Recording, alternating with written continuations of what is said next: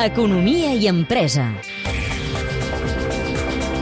L'actualitat empresarial, laboral i econòmica a Catalunya Informació.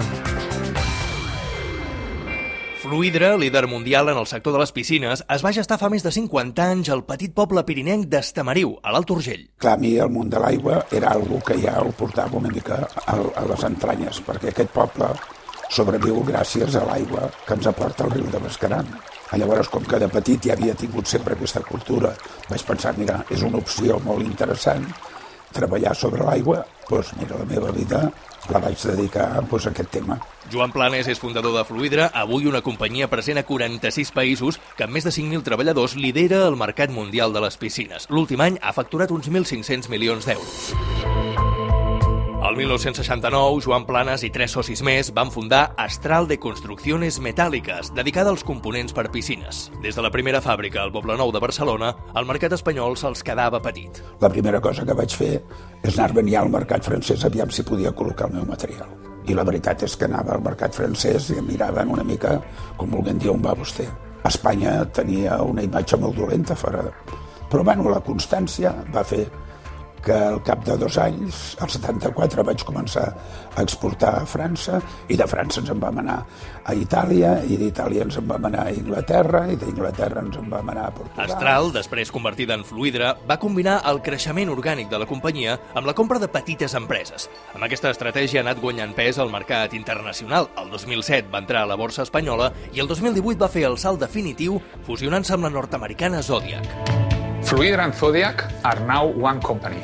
We have the most recognized brands in our industry. And most importantly, the best people in the business.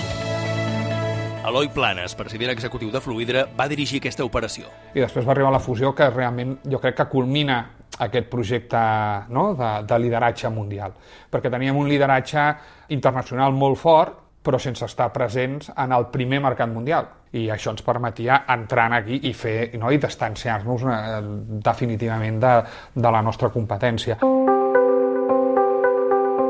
Avui, amb una desena de marques, Fluidra té 34 centres de producció arreu del món. Ofereix tots els productes i serveis vinculats al món de la piscina, tant residencial com comercial. Més enllà de la seva construcció, el gruix del negoci, el 70%, correspon al tractament, manteniment i millora de les piscines, el que es coneix com aftermarket. Al món existeixen quasi uns 17 milions de, de piscines que s'han de servir cada any que s'han de mantenir, que s'han de, de millorar. I aquest és el gran negoci. I això fa que el nostre negoci sigui molt resilient. Ara centren els esforços en la connectivitat, el que anomenen Internet of Pools a l'usuari de la piscina doncs, eh, li permet eh, tenir una interacció amb la piscina més senzilla, més fàcil, no? perquè pot veure aquesta piscina a distància.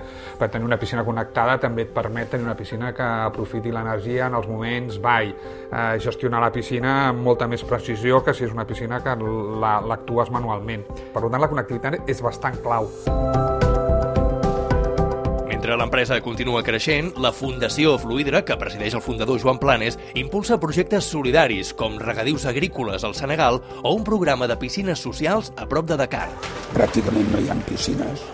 El que també és veritat és que el 100% dels nens que hi ha allà no saben nedar. Iniciarem una piscina per poder ensenyar que no haurien pogut tindre mai contacte amb una piscina, que la tinguin a l'escola i que la puguin utilitzar Planes i les famílies Corbera, Serra i Garrigós que van fundar Fluidra es mantenen dins l'accionariat d'aquesta multinacional que està a punt d'entrar al selectiu IBEX 35 de la borsa espanyola. És un reportatge d'Eloi Barrera. El teniu disponible al podcast de l'Economia i Empresa. Economia i Empresa. A Catalunya Informació.